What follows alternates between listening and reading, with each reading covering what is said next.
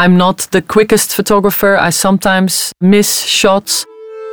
I'm not the most technical photographer. I don't know that much about technical photography, shutter speed, f stop, ISO.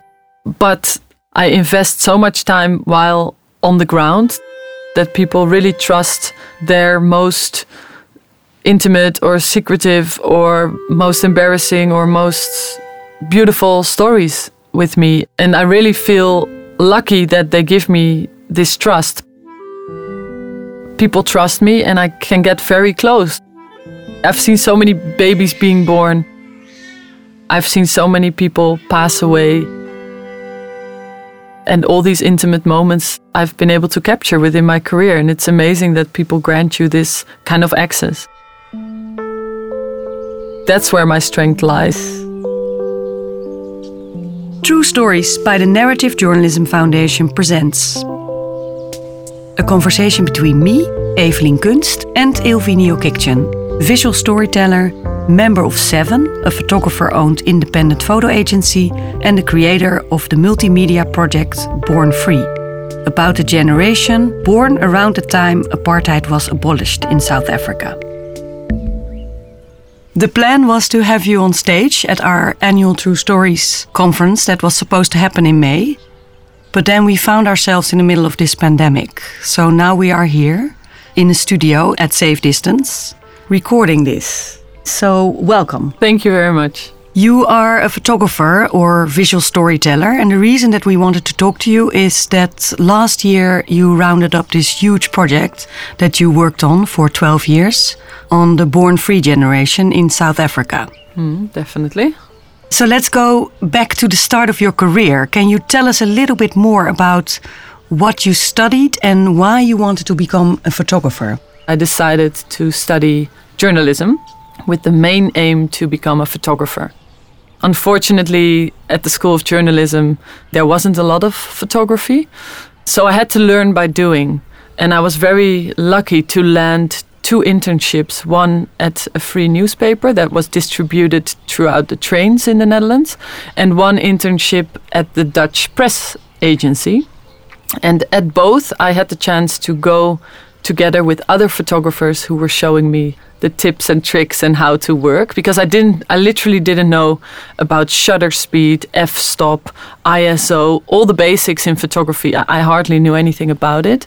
But by looking at the work of colleagues and I remember buying this photography book from National Geographic who had like a tips and trick guide. So I used that to learn the skills. I think it was 2007 when I was working as a photographer for the Dutch press agency. After finishing my internship, they asked me if I could stay around and work for them, and I did so. But after six months, I got the chance to go to South Africa to uh, work for a newspaper there. So I packed my bags and uh, I went to Johannesburg for a year to be a photographer there. And um, at the newspaper in South Africa, it was called The Star almost like an internship, but it was paid. And they really threw me into the deep end of the pool. I had to do all kinds of assignments every day. Um, so I was driving around Johannesburg taking pictures. And that's when I started my long term project.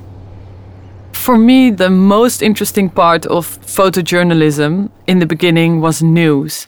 I just wanted to be where the big news was happening.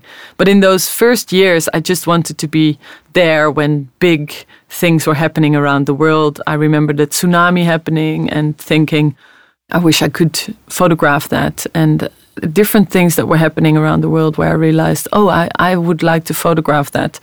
Uh, but then actually, when I started photographing, I realized I want to tell the stories behind the news. So I don't necessarily want to focus too much on news. And I think that's also because the news itself changed a lot when the internet started growing and when people started getting smartphones. Um, a lot of the really quick news pictures are now taken by people who are there on the spot with their phones. So the need for the to be the first picture and to to cover the news in that way, I think, is becoming smaller.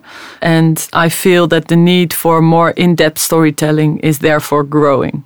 So, how did you start off with that? Because at some point you are moving from taking single images for the for the newspaper to that you want to follow a subject over a longer period of time. So how did that start? I was doing so many assignments for smaller Dutch newspapers.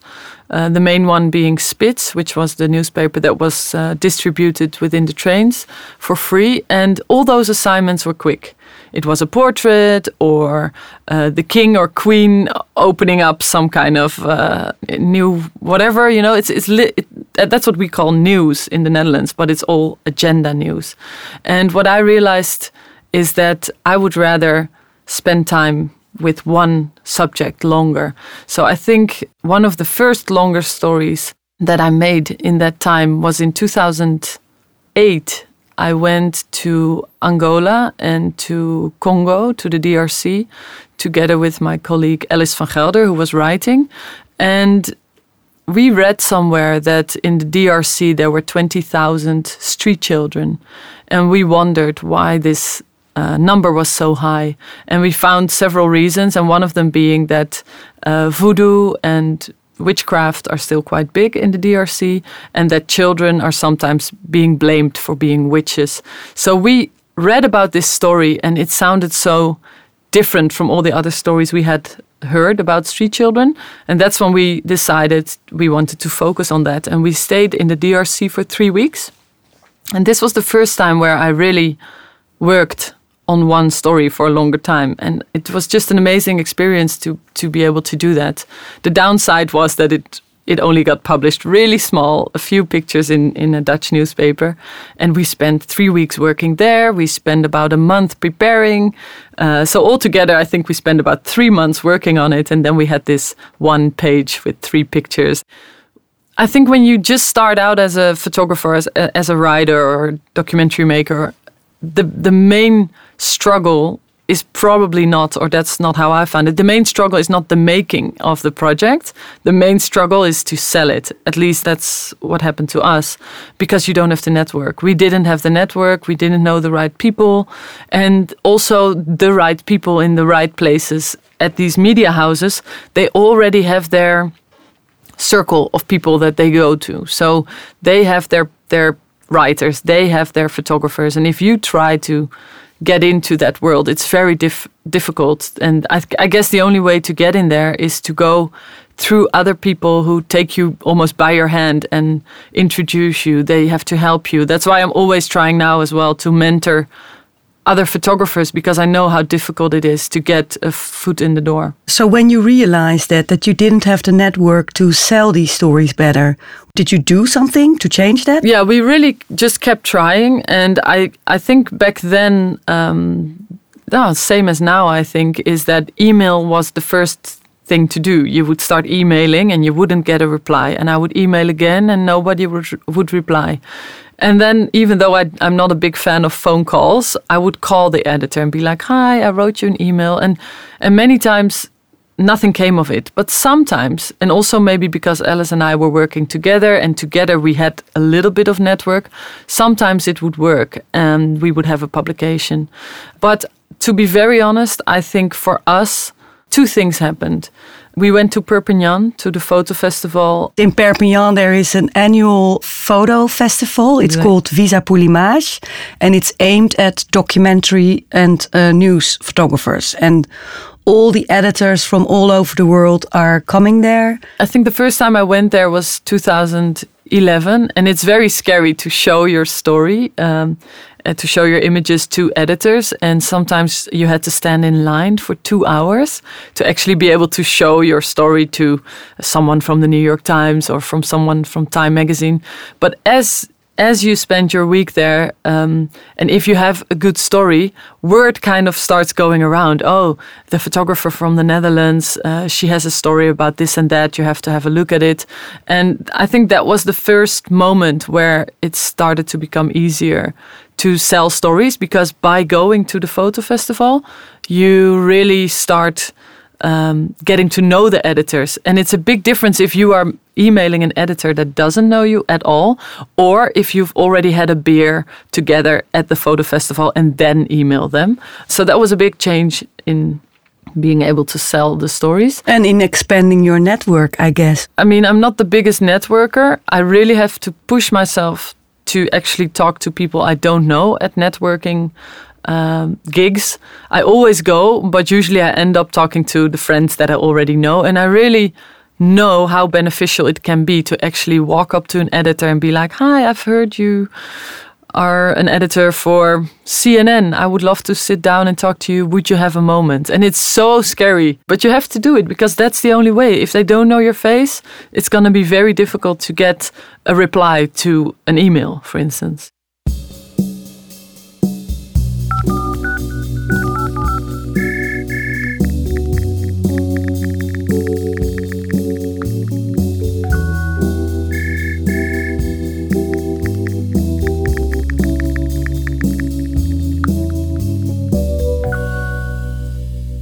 How did that close collaboration with Elles van Gelder work? Because all of a sudden you move from a photographer who shoots agenda news to a photographer that works alongside a writer on a longer term project. Elles and I met in 2007 in South Africa, in Johannesburg, when I was working for the newspaper there.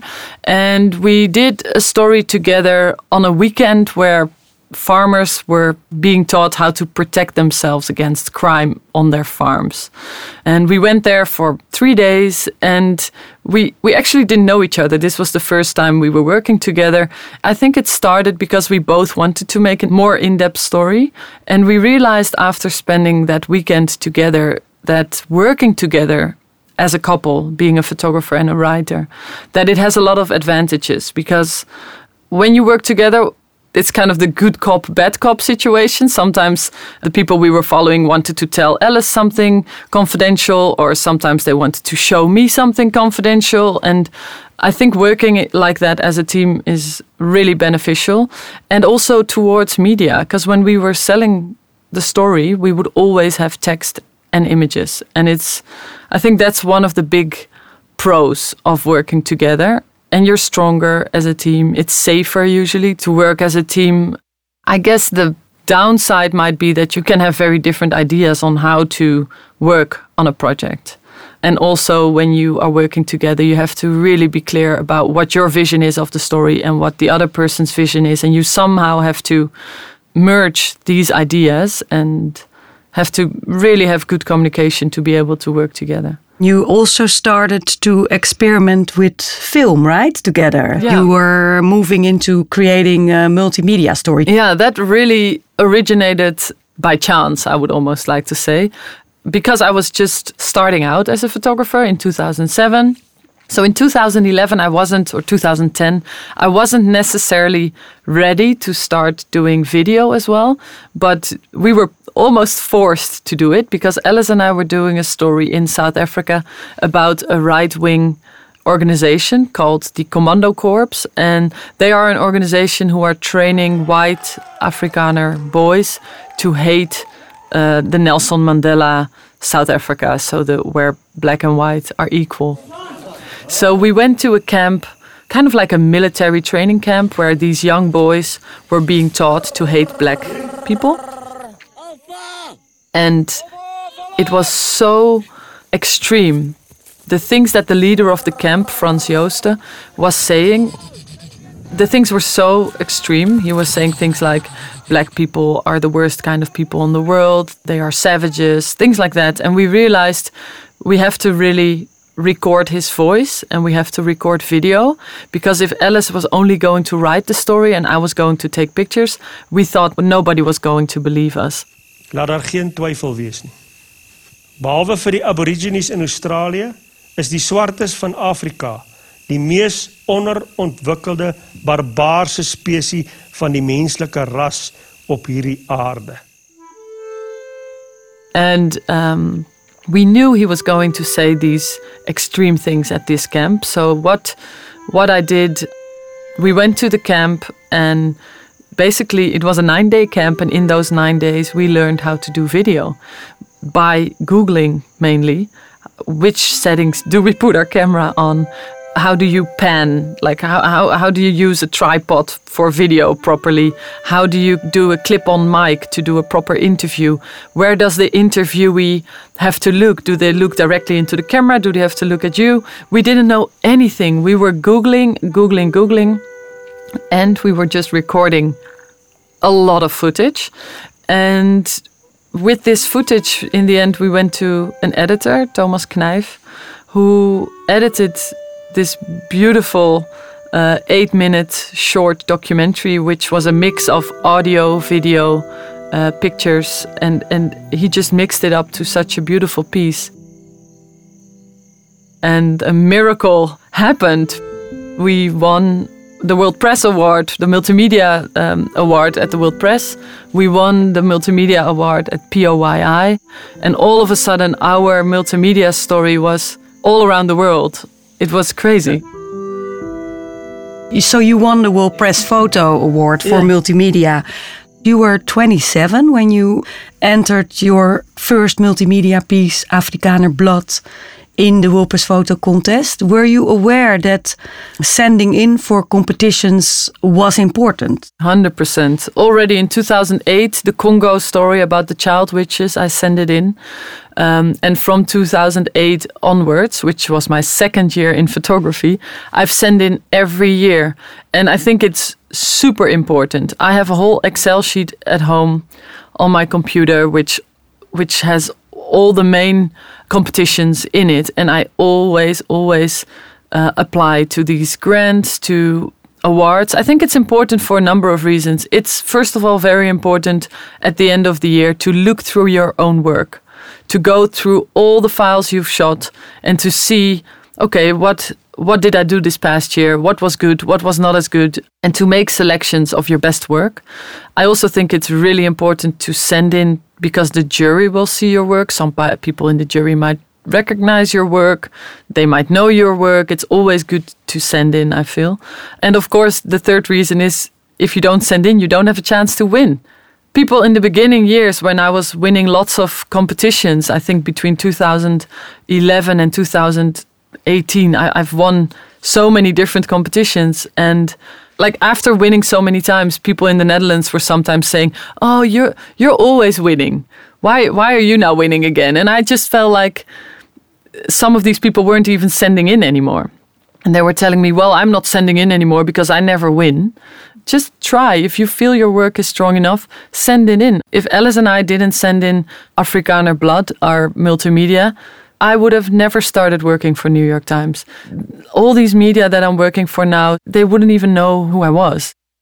Some people regard it as egocentric or uh, an ego thing to send in for competitions. At the same time, I also hear you say that it's part of your uh, business model almost. You have to do that because that's the way uh, for people to know who you are, and that will also give you the opportunity to get assignments from the big uh, media. Yeah, I think my, my current Excel sheet has about 65 different competitions in it. And some of them are smaller, some of them are bigger, some of them are to host exhibitions. So, to be part of certain exhibitions, you have to send in.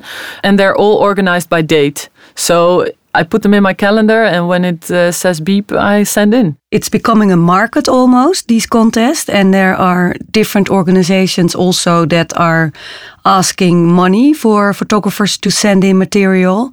So uh, the contest itself has become a business model. If the uh, fee goes above $40, I'm usually a bit reluctant because it feels like they are just taking money from the artist. And as we all know, artists in general don't have that a huge budget. So I feel that especially contests shouldn't be asking too much money. Do you have the same Excel sheet for grants also? I am not the best grant writer. I used to do a bit of it, and I'm now again picking it up. And I have a, a long list, an Excel sheet as well. But to be very honest, in the past years, I've applied to a few grants, and it took me two weeks, three weeks to make proper applications. And then if you don't get them, uh, which in my case was always the case, it's not only frustrating, but it took a big uh, it's it's a lot of time to invest into something, while at the same time I can take four to five good assignments and make the same money. When I was really busy with finishing up Born Free, my long term project, I decided not to look at grants anymore because I got a few no's in a row. And I decided just to take on good assignments that were paying well so I could fund my way yeah. through Born so Free. Earlier, you were telling us about Afrikaner Blood, the multimedia that won the World Press Photo Award. Uh, there was also some negative attention for that specific uh, piece of work because you gave such a relatively small group quite a big platform that was also the reason for you to decide to continue on this project and make it a bigger project. The Born Free idea started when I was in South Africa in 2007 working for the Star newspaper. So the project is basically about young people growing up around the apartheid's ending, around the time that Nelson Mandela became president in 1994. And this idea already started when I was working at the newspaper because I realized that the young people were so much involved into the demonstrations that I was photographing, into all these things that I had to photograph. It always had young people at the scene.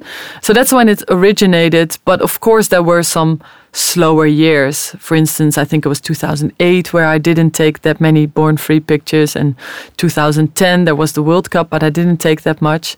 And then after the right wing camp, Elles and I really felt that we had to diversify the Born Free stories even more because there was some backlash um, of Afrikaner blood being yeah, it's a fringe organization, and we also mentioned in in all the writing and in the multimedia that it is a fringe organization. But because it won at the World Press, the story traveled so fast, and it got a lot more attention than we thought it would ever get. So yeah, you're right. People were saying things like, "Oh, why are you putting such a spotlight on these kind of neo-Nazi small group?"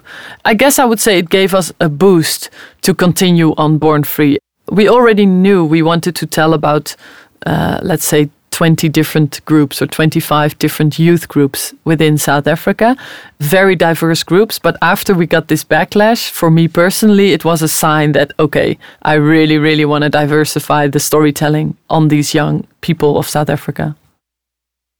Collaboration with Elles came to an end. Can you tell us a little bit about that? Why you stopped working together? Uh, we worked together for, let's say, we started 2007 and it came to a halt in 2018. Um, I think we have a very different way of working, and in many ways that worked out very well because we also were a great balance. But a chance uh, arose to uh, do a bigger documentary for a Dutch television company. And I was really diving into the storytelling of Born Free already. I feel a bit more than Elles did because Elles was living in South Africa. She had her whole life there. She had uh, lots more things to do in South Africa than I had because I was living in the Netherlands and I would fly in uh, to South Africa and I would be there and I really wanted to work on the project for let's say 3 months on end or 4 months on end.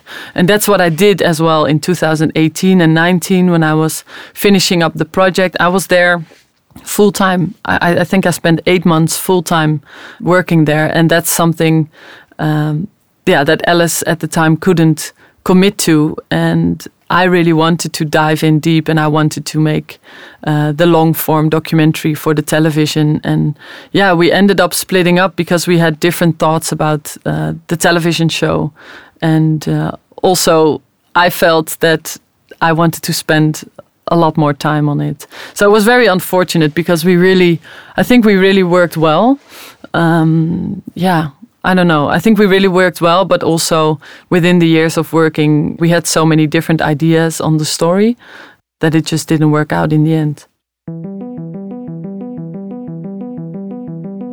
As future leaders of this country, your challenge is to foster a nation in which all people, irrespective of race, color, sex, religion, or creed, can assert a social cohesion fully. Mindful of your own challenge, you must continue to promote the principle of relentless freedom and democracy. As you explained, you wanted to follow all these different groups of born frees.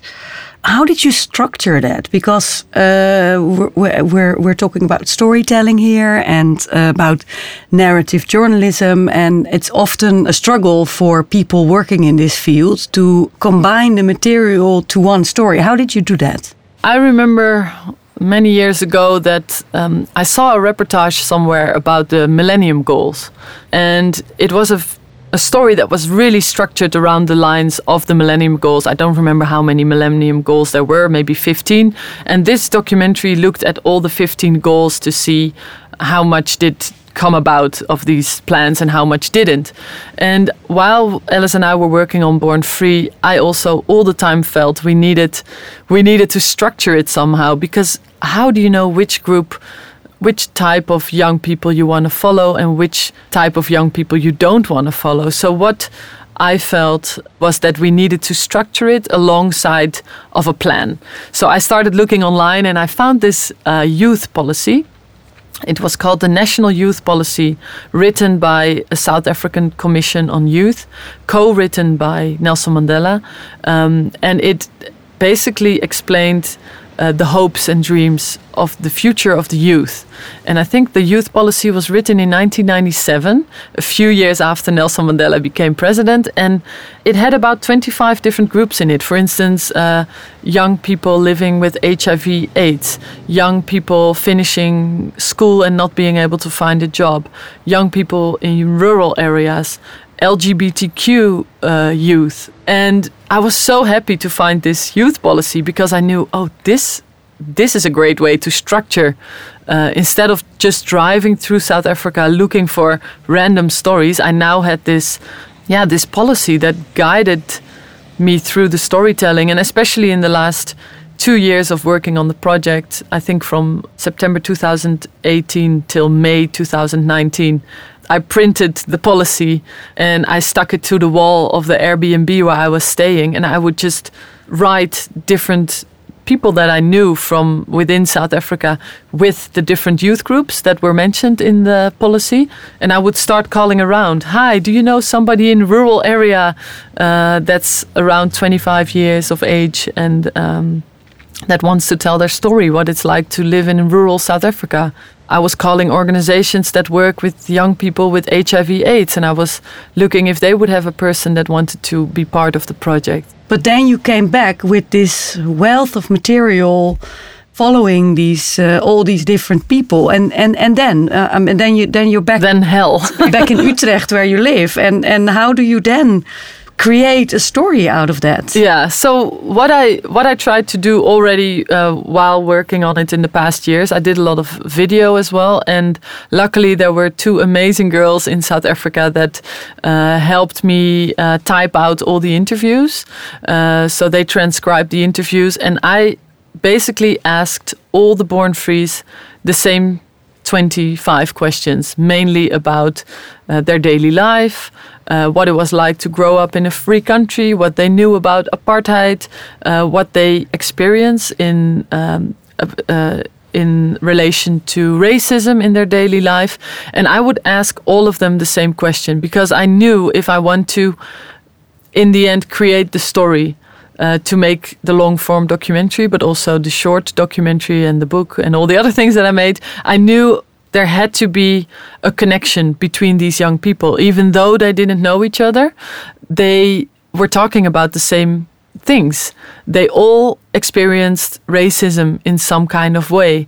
And what I really try to do within the interviews is to connect the dots between these young people, even though their lives were very different. Some were extremely rich, some were extremely poor, or white, or black, or Indian, or but I wanted to connect their daily experience to each other.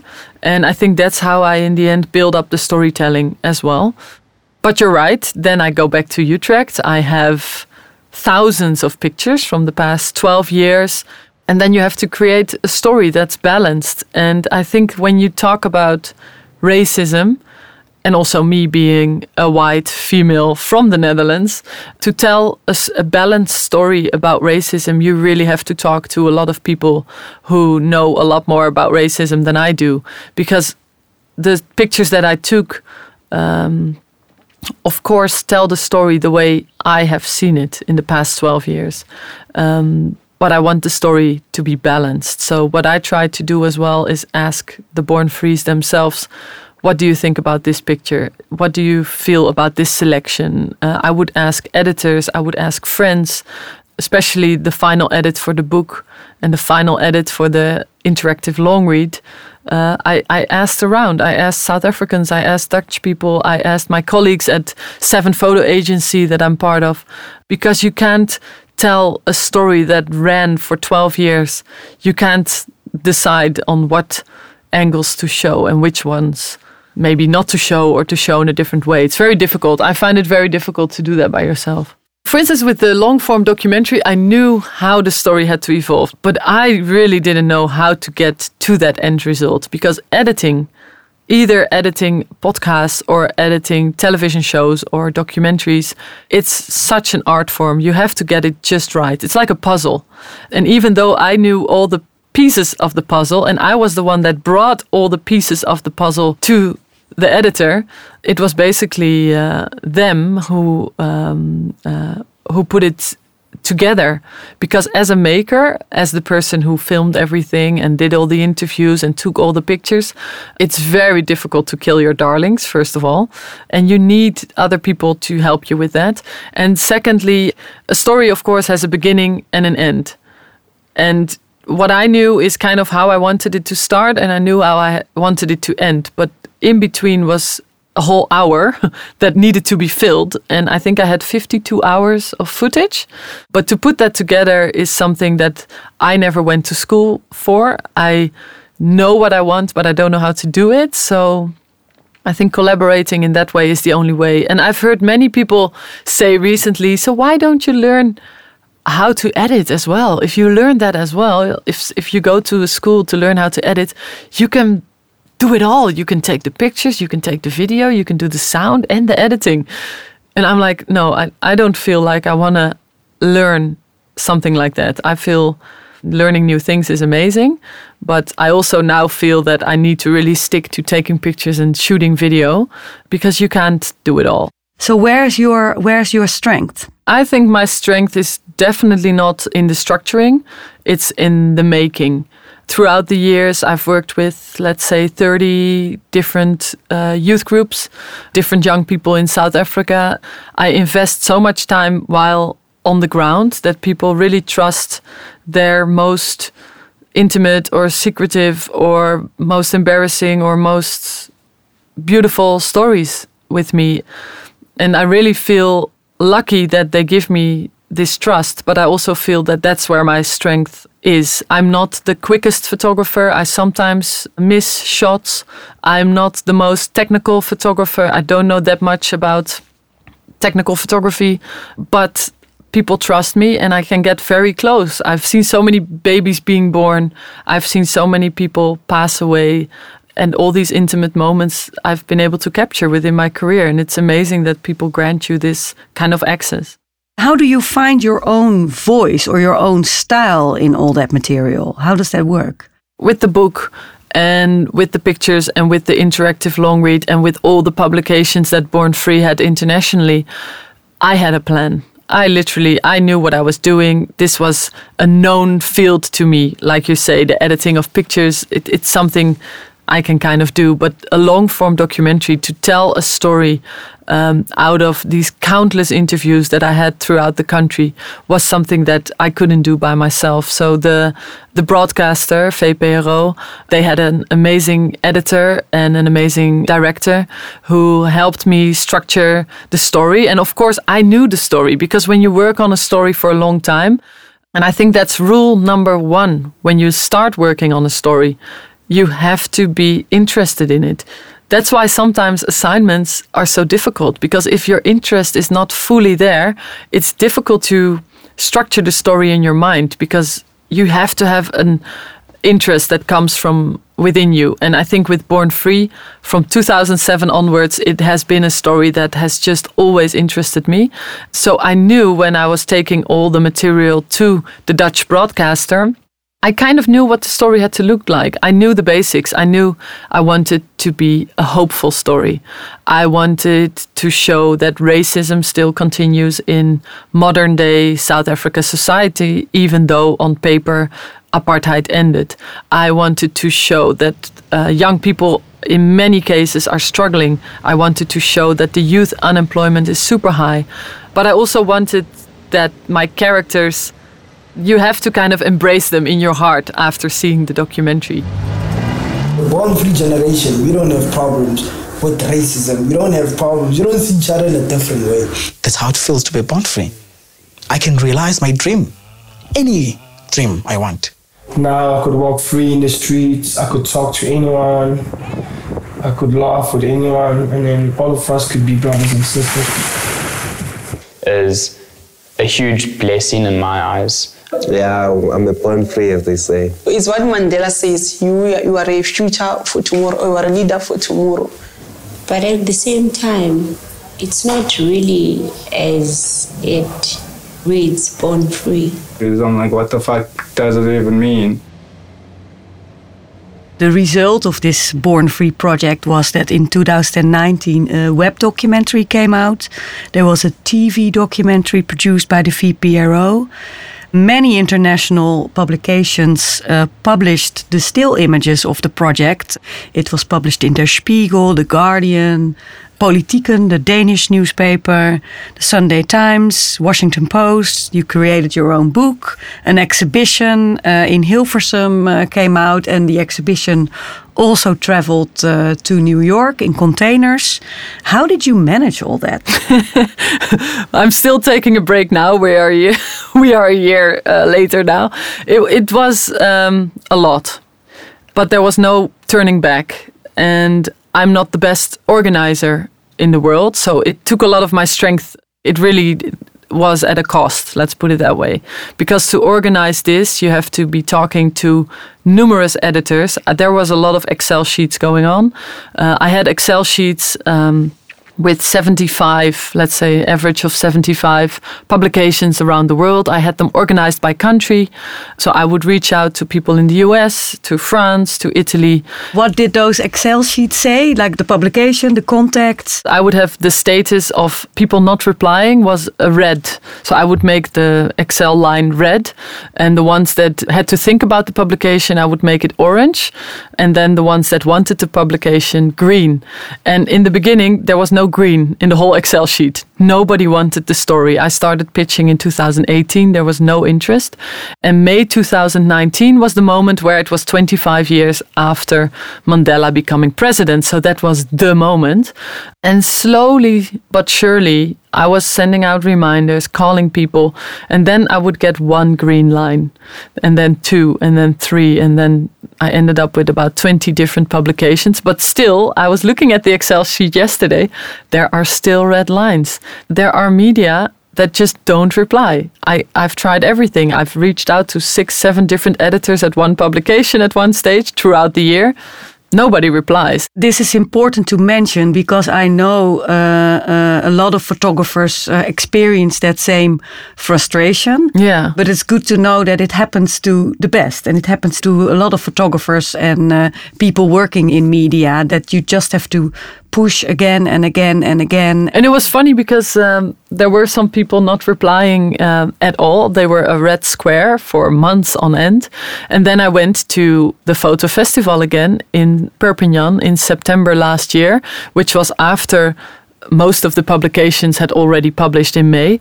And there I was bumping into the Red Square people. And I would just walk up to them, and some of them still published. They were like, Oh, I'm so sorry. I, I, I I'm so sorry. I saw your email coming by in January, which was nine months earlier. Uh, I'm so sorry. I never replied. And then they would still publish, which was crazy. In a way, you're also uh, good at putting yourself in the market. You already explained a little bit about you going to this festival, Perpignan, Visa pour l'Image. That's not the only place uh, you're going. How much is the strategic thinking about who you are as a journalist or as a storyteller and promotion, how much is that an essential part of being a photographer? I'm not a big fan of being um, having to be so strategic, it is just a big part of it. If people don't see you, they don't see your work. If you don't share about who you are and what drives you, it's quite easy to overlook the work as well. I'm very lucky now that since the start of this year, I've hired someone to help me with social media, a student, a journalism student who's actually going to the same school as I am, uh, as I went to, to make it more structured because I was traveling about eight months out of the year, and a lot of the times my social media would die when I was traveling, and that's stupid. I mean, you have to keep it up. It's very important to have a voice on social media, to have a voice when you're going to network things. And it takes quite a lot of courage to do so because actually, when I started out, I was super shy. I'm not the kind of person that walks up to people and goes, like, oh, hi, have you seen my work? It's exhausting for me and it's scary, but I would encourage people who are wanting to start out as a photographer or in any other field of journalism to go out there and even though you're shy just try it. I've actually um, i won an award in 2008 at national geographic and i was too afraid to go on stage to to accept the award. I told my mom she had to do it. We were both on this in the room and i told her no you go you go. No i'm not going to go. I have to talk and say thank you on stage. No you go. And we were fighting and then I realized after I actually went, I was too afraid to even say thank you. I just hold the award and they took a picture of me with the award and I went off stage. And I realized after that moment in 2008, I had to do something. So I went to a speech coach who taught me how to speak in front of a crowd of people. And literally, this was a man he had cutout boards of Elvis Presley, Marilyn Monroe, and I had to stand in front of these cardboard figures and tell the figures, Hi, my name is Ilvy Njiokiktjien. I'm a photographer. I had to practice uh, how to speak in front of people, and I knew I had to do that to actually be able to do this career because if you can't present yourself, it's going to be difficult to get your stories published.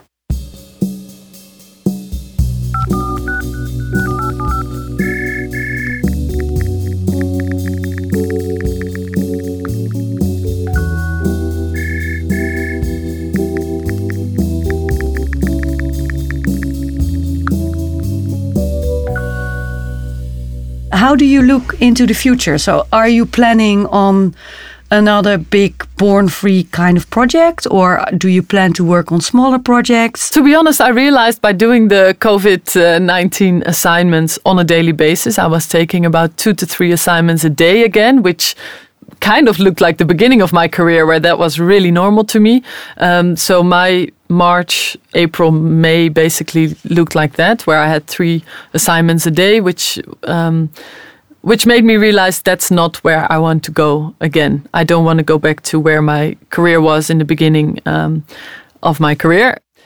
So, what I want to do and what I'm now already starting is another big project. I'm not sure if I ever want to do another 12 year project, but never say no, I guess. But I'm now working on a project together with the World Press Photo uh, Foundation.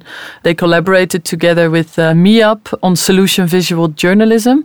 It's a story about co housing. So, about people living together, let's say, with their parents or with a group of friends living together.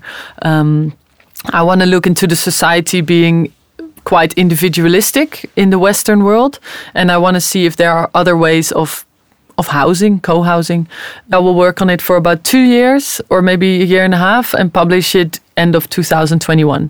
That's the idea now. I feel that I would much rather invest my time into a long-term story that in 20 years' time is still interesting to look at than to do smaller uh, stories that end up in your archive and they disappear out of the visual history. And I want to make something that becomes part of a visual history. Where do you see yourself in 10 years from now? Uh, pension? No.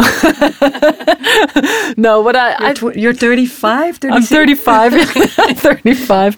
Uh, no, what I would love to do, well, maybe not in 10 years from now, but probably in 20 years from now, is picking up the Born Free story again. In the end of the documentary, I asked all the Born Frees, where do you see your life in 25 years from now?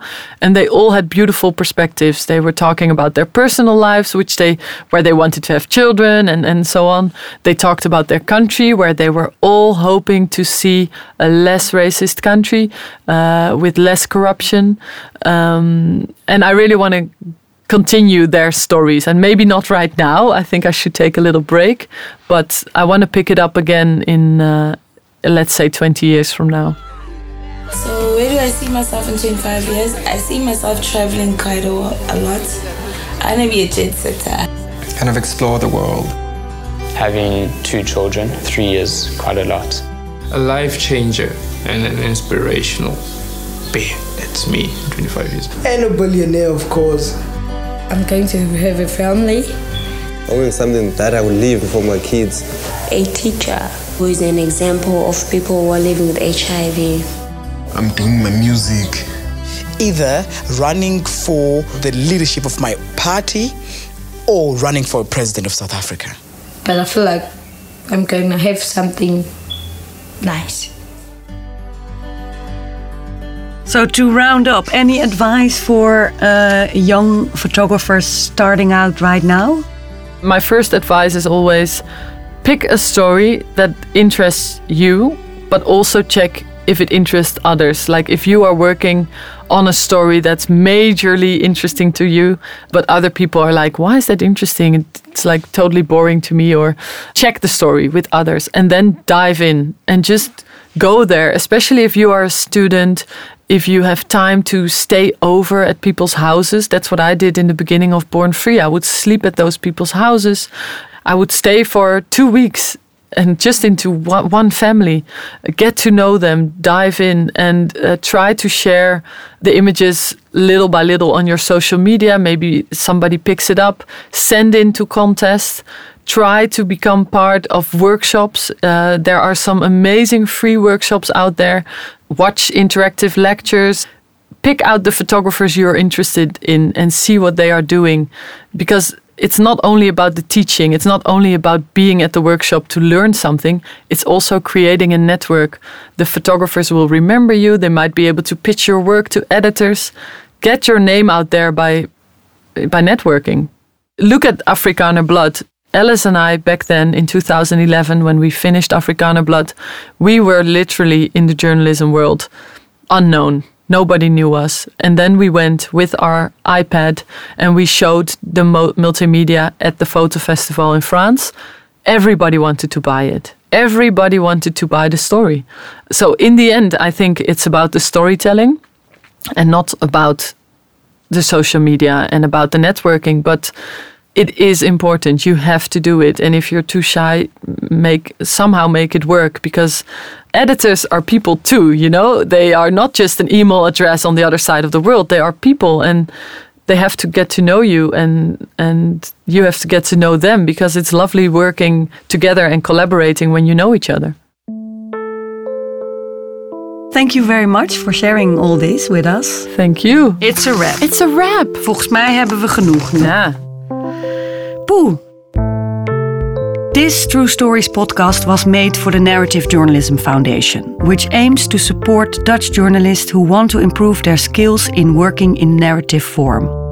The Narrative Journalism Foundation receives support from the Democracy and Media Foundation, PictoRight, Lira ReproWrite, the University of Amsterdam, and the Evens Foundation. This conversation was researched, hosted, and produced by me, Evelien Kunst, Editing, sound design en mixing bij Wederik de Bakker. Our executive producers are Laura Das en Brecht van der Meulen. You can find out more on truestories.info. And if you want to know more about the Born Free story, look at bornfreegeneration.com.